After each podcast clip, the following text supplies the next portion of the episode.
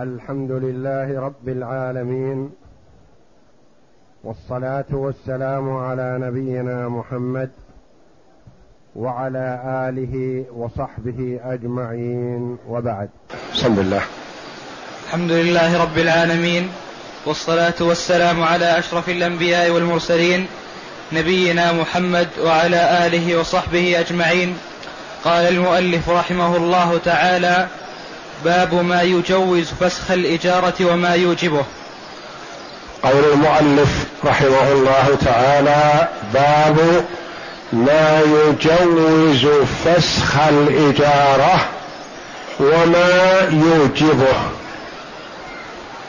فسخ الإجارة وذلك أن الإجارة عقد لازم. فيه أسباب تجوز فتح فسخ الإجارة. يعني للمستأجر أن يفسخ وللمؤجر أن يفسخ جوازا لا لزوما وما يوجبه أسباب توجب فسخ الإجارة وذلك أن الإجارة غير صحيحة ولا تنفذ ويجب فسخها حينئذ ولا يجوز الاستمرار فيها. أما ما يصطلح عليه الطرفان على فسخها فلا بأس بهذا مطلقا. إذا تراضى الطرفان على فسخها فلهما ذلك. لكن هذا الباب في متى يجوز الفسخ من أحدهما دون رضا الآخر؟ اتفق الطرفان على فسخ الإجارة يجوز مطلقا. رغب أحدهما في فسخ الإجارة لا بد أن يكون له سبب يجيز ذلك وإلا فلا يجوز. في أسباب أخرى توجب فسخ الإجارة ولا يجوز الاستمرار فيها. وسنعرف هذه إن شاء الله بالاستقراء. نعم. وهي عقد لازم ليس لواحد منهما فسخها وهي أي الإجارة. عقد لازم. ليس لواحد منهما فسخها تقدم لنا أن عرفنا الفرق بين العقد اللازم والعقد الجائز. عقد جائز.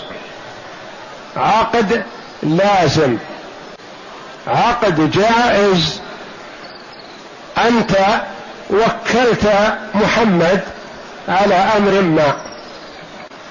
بعدما وكلته بيوم أو يومين أو شهر أو شهرين أو سنة أو سنتين بدأ لك أن تفسخ وتوكل غيره. ما يطالبك محمد يقول أنت وكلتني بوكالة شرعية صادرة من كاتب العدل ما يسوغ لك تفسخها ابدا. يقول لا. الوكالة عقد جائز. توكله اليوم وتفسخ الوكالة غدا أو بعد غد أو بعد شهر أو بعد سنة أو أكثر أو أقل. هذا عقد جائز. عقد لازم مثلا بعت عليه شيئا ما. بعدما بعته واستلم هو المبيع وسلمك الثمن ذهبت إلى أهلك فلاموك قالوا كيف تبيع هذا؟ هذا ما نستغني عنه. هذا نحتاجه. هذا كذا. هذا كذا. تقول خلاص أذهب إليه وابطل البيع. فتذهب إليه وتقول لا من أهلي أنا أبطلت البيع. يقول لا ما يسوخ البيع عقد لازم. لزم إذا أقالك فحسن. والنبي صلى الله عليه وسلم دعا لمن أقال مسلما بيعته يعني يقول الله عثرته. فالعمل المستحب نعم في مجال تقرب إلى الله جل وعلا تقول ما دام أنه ما رضي أبوه ما رضيت أمه ما رضي أهله بهذا أنا أسمح له. وأقيله من البيع. هذا حسن وتؤجر لكن إذا جاءك وقال لا أنا أبطلت البيع. لأن أبي لامني لأن أمي لامتني نقول لا البيع عقد لازم. البيع عقد لازم. هو مثلا استلم المبيع وبعدما وصل إلى أهله بدا له لا يشتري هذا ويشتري نوع آخر. وليس فيه عيب وإلا لو كان فيه عيب يمكن يرده. لكن لا عيب فيه وإنما رغب عن هذا الشيء. يقول ما أريد هذه البضاعة؟ فجاءك وقال أنا أبطلت البيع. تقول لا البيع عقد لازم. البيعان بالخيار ما لم يتفرقا فإن صدقا وبينا بورك لهما في بيعهما وإن كذبا وكتبا محقت بركة بيعهما والبيع عقد لازم. إذا أقالك من البيعة فحسن برضاه لكن تفرض عليه رد المبيع نقول لا إلا بعيب. هذا معنى قولنا عقد لازم. فيه الوقف أوقفت شيئا ما. أرضا لتكون مسجدا لتكون مدرسة لتكون مستشفى لتكون كذا لتكون كذا. لتكون سكنا لطلبة العلم لتكون أي نوع من أنواع الوقفية. ثم بدا بعد شهر أو شهرين تقول لا ألغي هذه الوقفية. أريد أن أبيعها أستفيد من ثمنها. هل لك ذلك؟ لا لأن الوقف عقد لازم. الوصية عقد جائز. تقول مثلا هذا البيت الذي أسكنه بعد وفاتي يكون لطلبة العلم.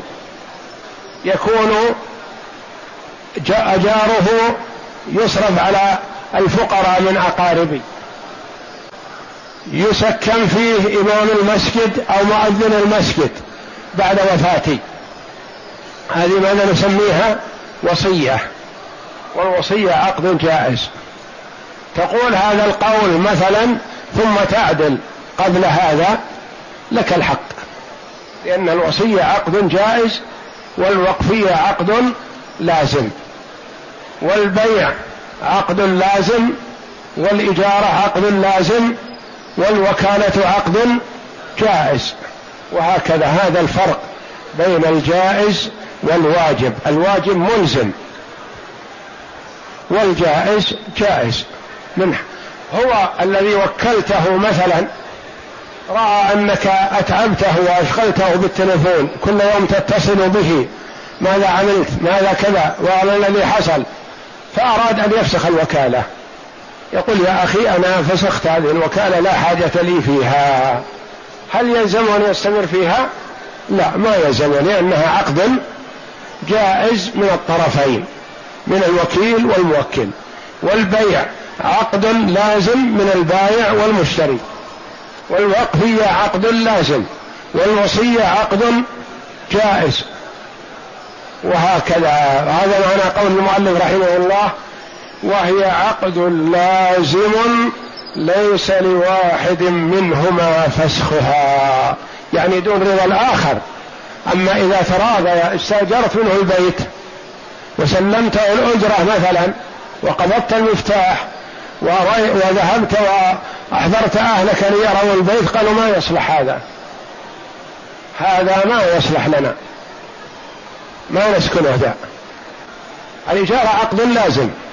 جئت إليه وقلت يا أخي أريد أفسخ الإجارة. يقول لا ما تفسخ الإجارة. الإجارة عقد لازم. جئت إليه وقلت يا أخي أرجوك تقيلني لأن أهلي رفضوا أن يسكنوا في هذا البيت. وأنا لا حاجة لي فيه. يبقى البيت على حسابي أدفع الأجرة وهو خالي. أو ربما أؤجره من هو أشد ضررا مني على البيت. فيا أخي أقلني أقال الله أثرتك يوم القيامة. يقول لا بأس. نعم أقيمك. أعطني المفتاح وخذ دراهمك. هذا جائز من الطرفين لكن ما يلزم أحدهما الآخر بالفسخ. استأجرته سنة. بعد مضي ستة أشهر جاءك وقال أخل البيت يا أخي. مضت الستة الأشهر الأولى وأنا لن أؤجرك إياه الستة الأشهر الثانية. يقول لا الإيجار على سنة. ودفعت لك أنا أجار الستة الأشهر والآن أدفع لك أجار الستة الباقية ولا تخرجني من البيت. فيلح بالإخراج فلا تخرج. ما يلزمك أن تخرج إلا برضاك.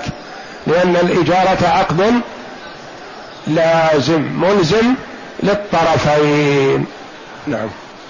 لأنها بيع. لأنها بيع ما معنى بيع؟ أنت اشتريت البيت؟ لا اشتريت المنافع. المنفعة من البيت السكن اشتريته. إذا كان سيارة للركوب المنفعة الركوب أنت اشتريت المنفعة. إذا كان بعير تركبه أنت اشتريت منفعة هذا البعير. فالإجارة ليست بيع أعيان وإنما هي بيع منافع. بيع منافع منفعة. نعم. فأشبهت بيوع الأعيان. فأشبهت بيوع الأعيان. هي بيع منافع فتشبه بيوع الأعيان يعني المبايعات التي تحصل بين الناس. إذا باع السيارة باع الدار باع الأرض وهكذا. نعم. إلا أن يجد العين معيبة. فيملك الفسخ به. إلا أن يجد العين معيبة فيملك الفسخ بالعيب. هذا يملك الفسخ لا لأن العقد جائز ولكن لوجود العيب. أجرك الدار ورأيتها من الخارج حسنة فدفعت الأجرة وأخذت المفتاح وذهب وذهبت أنت ثم جئت وفتحت البيت. فوجدت فيه عياب كثير وخلل. فتقول لا يا أخي أنا ما استأجرت منك معيد استأجرت منك بيتا صالحا للسكن. يقول خلاص أنا استلمت الأجرة وأنت اعمل بالبيت ما شئت. أقول لا يا أخي أنا استأجرت لأنتفع بالبيت والبيت غير صالح للانتفاع. وأنا بعد ما سألت تبين لي أنكم أنتم خرجتم من البيت لوجود العيب فيه.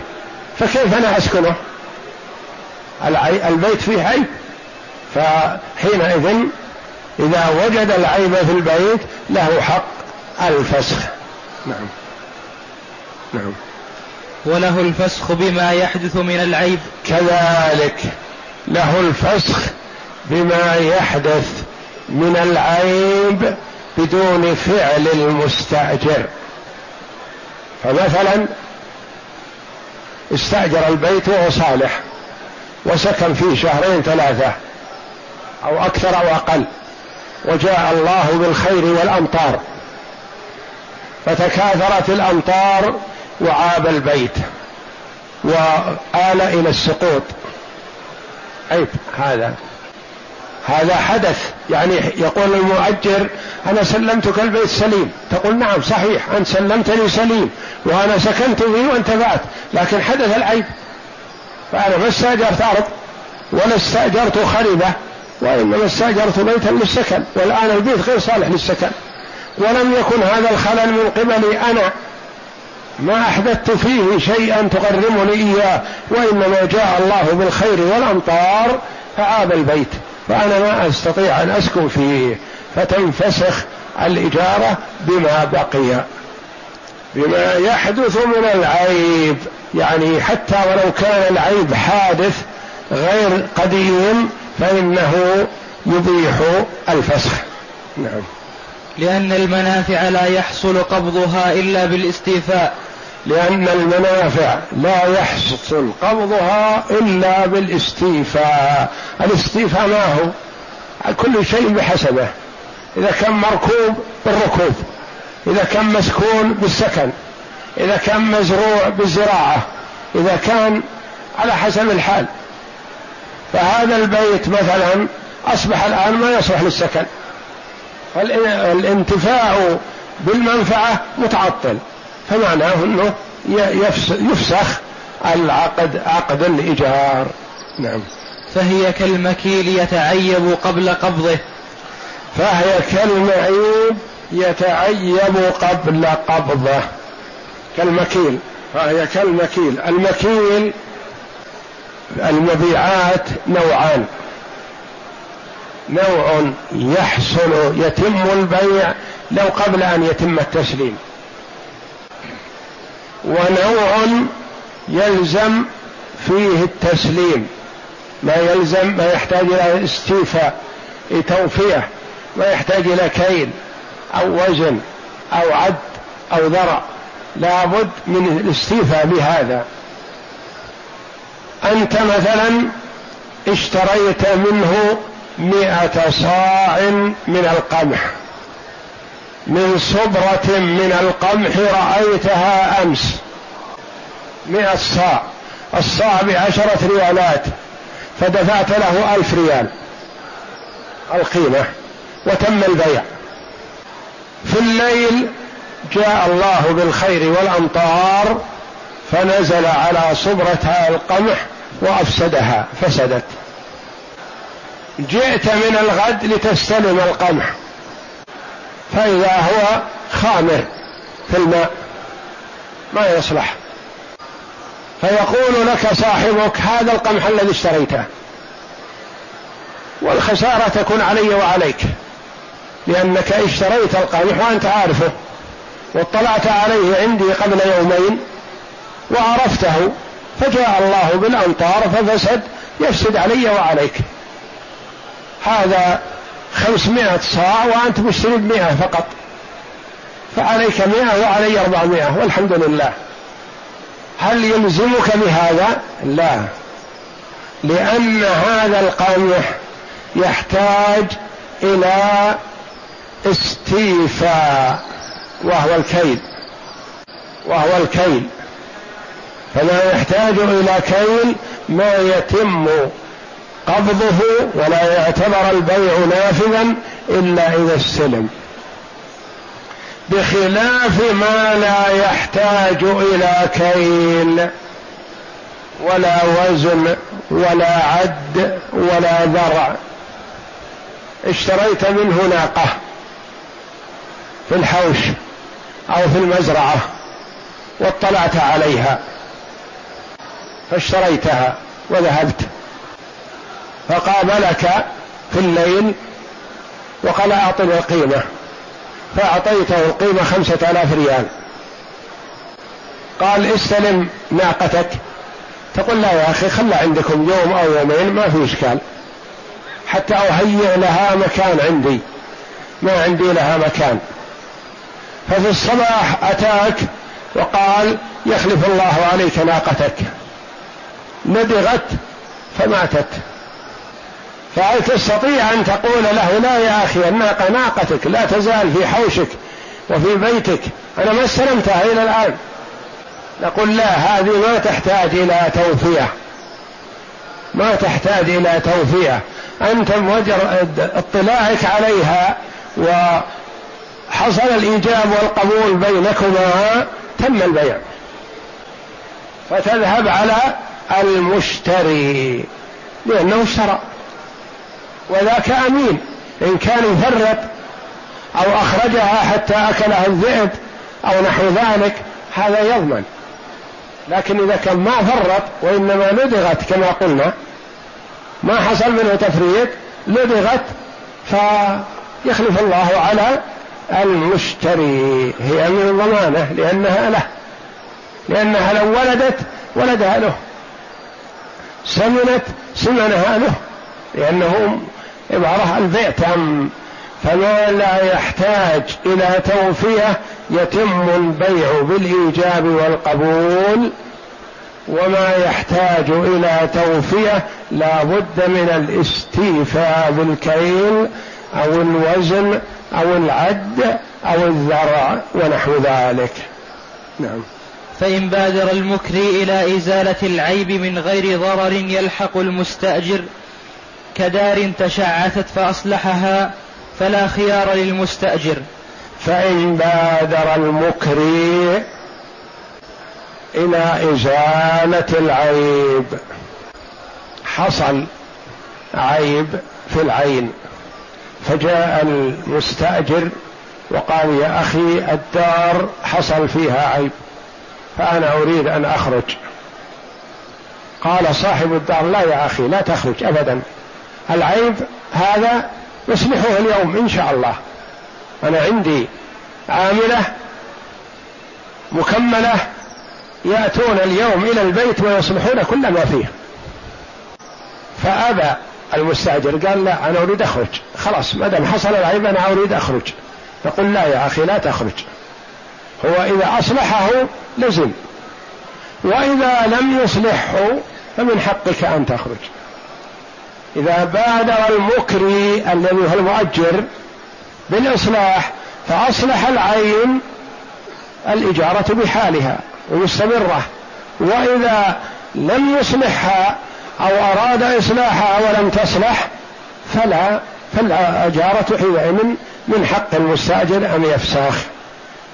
فإن بادر فإن بادر المكري إلى إزالة العيب من غير ضرر يلحق المستأجر كدار تشعثت فأصلحها فلا خيار للمستأجر. فلا خيار للمستأجر. لماذا؟ لعدم الضرر. لعدم الضرر. ما في ضرر. ما دام أصلح العيب خلاص. نعم. وإلا فله الفسخ. وإلا فله الفسخ. إذا ما طل في الإصلاح وتأخر في الإصلاح فللمستأجر الفسخ لأنه يفوت عليه المنفعة. نعم. وإن سكنها مع عيبها فعليه الأجر. علم أو لم يعلم. لأنه استوفى جميع المعقود عليه معيبا مع علمه به. فلزمه البدل. نعم. كلمة وإن سكنها مع عيبها لزمه الأجار كامل. هو مثلا سكنها غير معيبة ثم حصل العيب ثم استمر فيها ورضي بهذا العيب. قال هذا عيب بسيط. ولعل صاحب الدار يخفض من الأجرة. إنا أعطيناه الأجرة خمسة آلاف لعله يكتفي بثلاثة آلاف ويرد علي ألفين لأجل هالعيب. فاستمر فيها مع علمه بالعيب.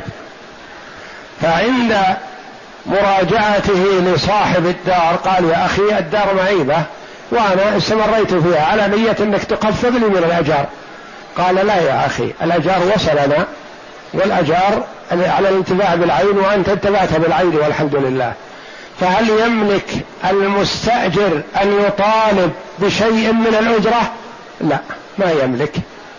لأنه دفع الأجرة مقابل الانتفاع وقد حصل الانتفاع. ولا يلزم أن يكون الانتفاع كامل من جميع الوجوه. ما دام أنه رضي بها بعيبها فلزمته لذلك. نعم. كالمبيع المعيب إذا رضيه. كالمبيع المعيب إذا رضيه. هذه العبارة لها مفهوم ومنطوق. المبيع المعيب إذا رضيه. اشترى منه ناقة فاستلمها. فبعدما استلمها تبين له فيها عيب. فقبلها بعيبها قال نراجع الرجل لعله يخفض لنا شيء من القيمة. فجاء إلى صاحبه وقال أنا اشتريت منك الناقة ووجدت فيها عيب ورضيت به ما أحب أني أرجع الناقة عليك.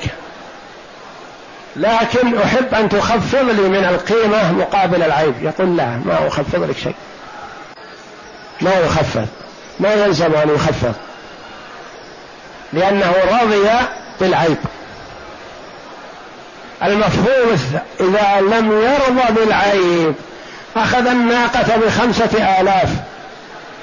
فلما تفقدها وجد فيها عيب فجاء إلى صاحب الناقة وقال أنا أخذت الناقة بخمسة آلاف ووجدت فيها عيب. فأنت بالخيار. إن شئت أنا أرد عليك الناقة وآخذ خمسة الآلاف. وإن شئت تعطيني ألف ريال من القيمة مقابل هذا العيب. هل يملك صاحب الناقة يقول لا لا تردها ولا أرد عليك شيء من القيمة؟ لا. يلزم بأحدهما. يقال إما أن تقبل الناقة وإما أن تعطي شيء من القيمة. لأن الرجل ما رضي بالعيب. بخلاف الأول فالأول أعلن عن نفسه أنه راض بهذه القيمة قال أنا لن أرد عليك الناقة. لكن لعلك ترد علي شيئا من القيمة يقول لا. ما أرد عليك شيء. ما يلزم بالرد. إلا إذا أعلن الرد أو دفع الأرش. يعني مقدار قيمة العيد. نعم. وإن كان العقد على موصوف في الذمة فرد بعيب لم ينفسخ العقد ويطالب ببدله فإن تعذر بدله فله الفسخ. لتعذر المعقود عليه كما لو وجد بالسلم عيبا فرده. وإن كان العقد على موصوف في الذمة. انتبه لهذه. في الأول العقود على أعيان معينة. استئجار دار استئجار ناقة كذا كذا إلى آخره عين معينة. هذا معقود العقد على موصوف في الذمة. يقول مثلا أريد منك تؤجر لي سيارة أو سيارتين أو خمس سيارات نوع كذا موديل كذا توصل عائلة عندي أو أشخاص أو جماعة من الناس من مكة إلى الرياض. هل استأجر عين معينة؟ سيارة معينة؟ لا. سيارة موصوفة. يقول سيارة أو سيارات صفتها كذا. نوع مرسيدس نوع كذا نوع كذا من السيارات قوتها كذا بمواصفات معينة. توصل عائلة عندي من من مكة إلى الرياض. فاتفقوا على هذا. هذه العين المؤجرة هي عين ولا موصوف في الذمة؟ موصوف في الذمة. ركبت هؤلاء الأفراد أو العوائل أو المجموعة من الناس ركبوا السيارات خمس. في أثناء الطريق في الطائف أو قبله أو بعده تعطلت السيارات أو بعضها. هل ينفسخ العقد؟ يقول المستأجر ما دام تعطلت أنا أفسخ العقد. خلاص أنا أروح أستأجر سيارات من الطائف. وأنت خذ سياراتك لا أريدها. هل يملك؟ لا. لأنه يقول أنت أنا ما أجرتك أعيانها السيارات هذه تقول تعطلت أنا أجرتك سيارة تنقلك من مكة إلى الرياض. ولا عليك. وأعطيك المواصلات بعينها. أجيب لك سيارات بدل هذه السيارات نفسها. وتحملك من هذا المكان إلى الرياض. هل يملك المستأجر الفسخ؟ لا. لأن العقد على موصوف في الذمة والمؤجر أحضر المطلوب. أحضر المطلوب. فلا ينفسخ العقد حينئذ وإن كان العقد وإن كان العقد على موصوف في الذمة فرد بعيب لم ينفسخ العقد ويطالب ببدله فإن تعذر بدله فله الفسخ. لتعذر المعقود عليه. إذا قال مثلا ما وجدنا سيارات لكن نبدل بدل سيارة مرسيدس نجيب لكم جمس يجيب كذا يقول لا أنا مستأجر هذا النوع تعذر لي هذا النوع ولا خلاص أنا أبطل الإجارة يقول من حقه. فإن تعذر البدل فللمستأجر إبطال الإجارة. فإن تعذر بدل فله الفسخ لتعذر المعقود عليه.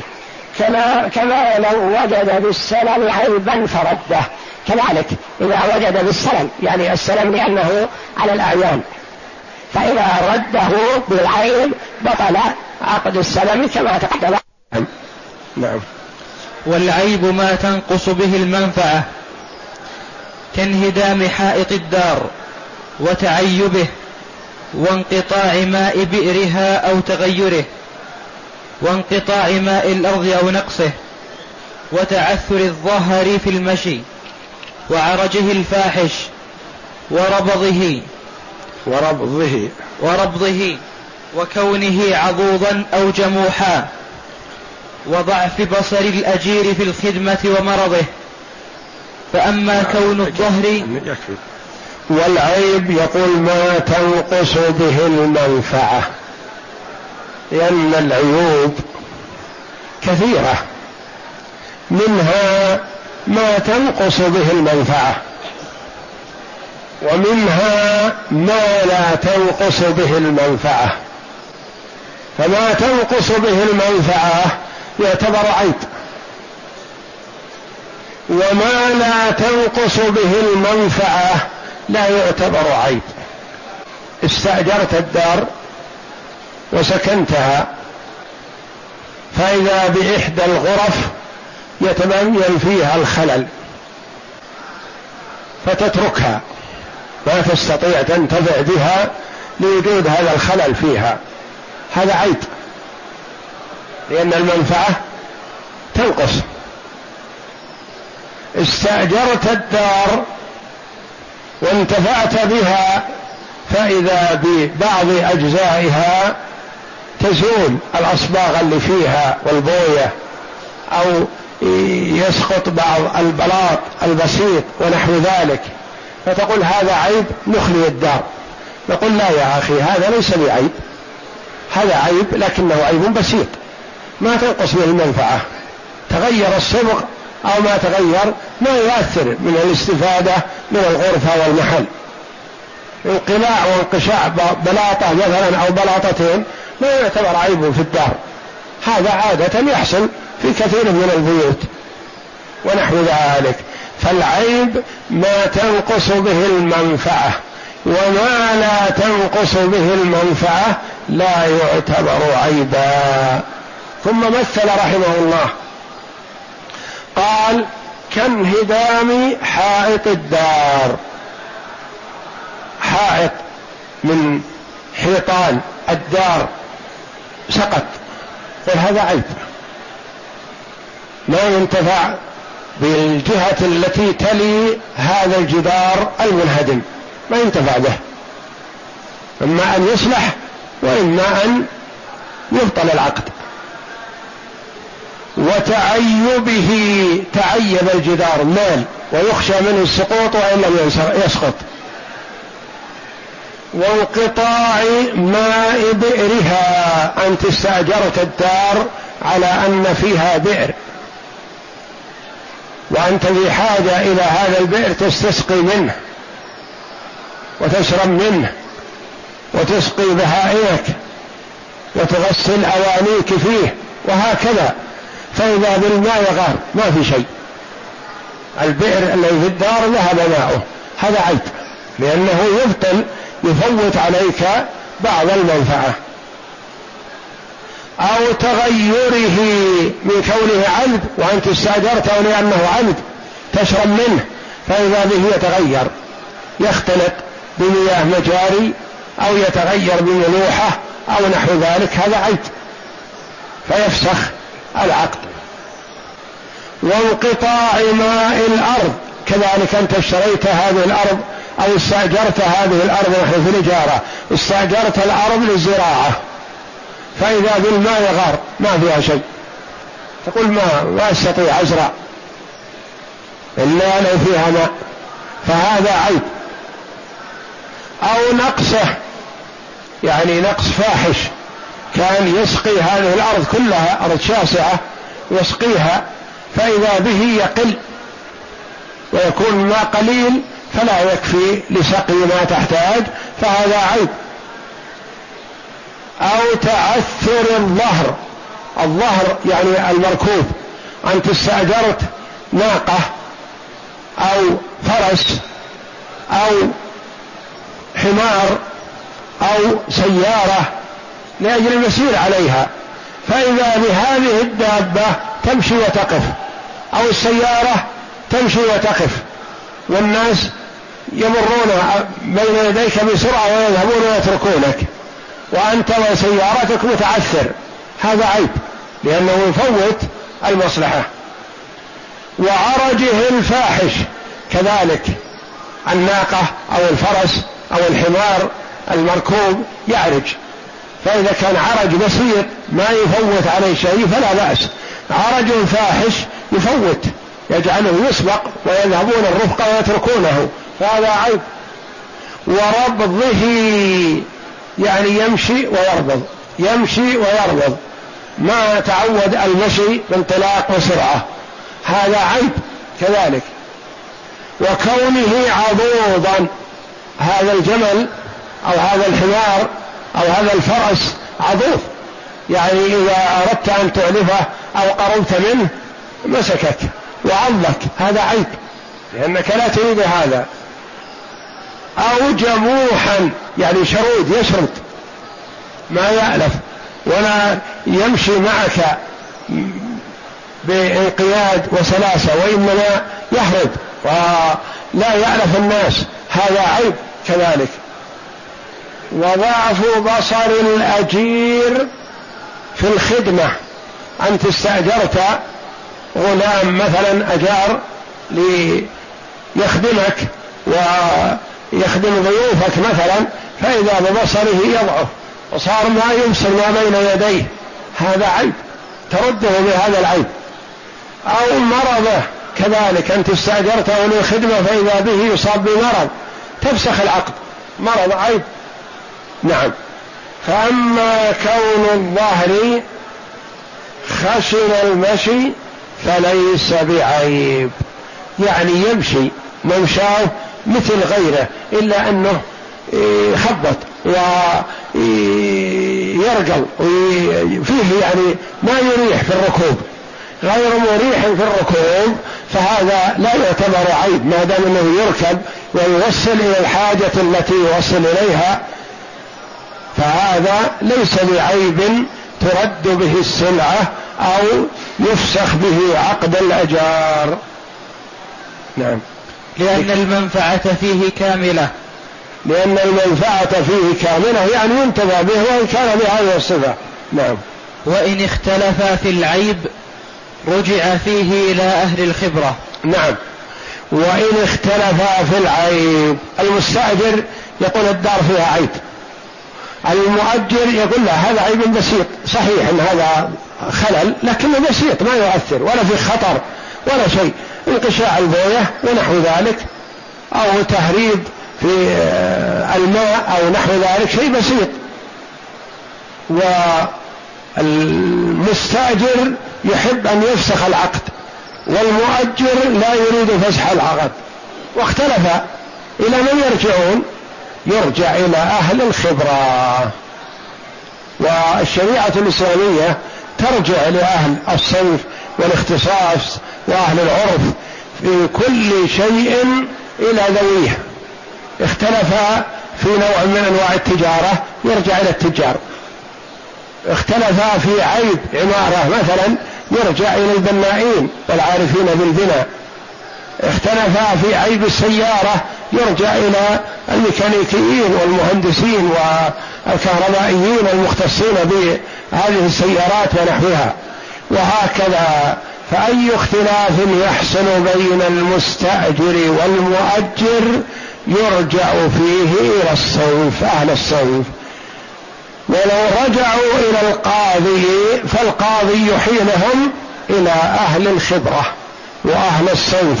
وأهل الاختصاص يعني يعبر عنهم الفقهاء أحيانا بأهل الخبرة أهل الصوف أهل الاختصاص أهل العرف. يعني عرف هذا الشيء واختصاصه لا يقبل قول المؤجر ولا يقبل قول المستاجر وإنما ينظر لأهل السيف. والله أعلم. وصلى الله وسلم وبارك على عبده ورسول نبينا محمد وعلى آله وصحبه أجمعين.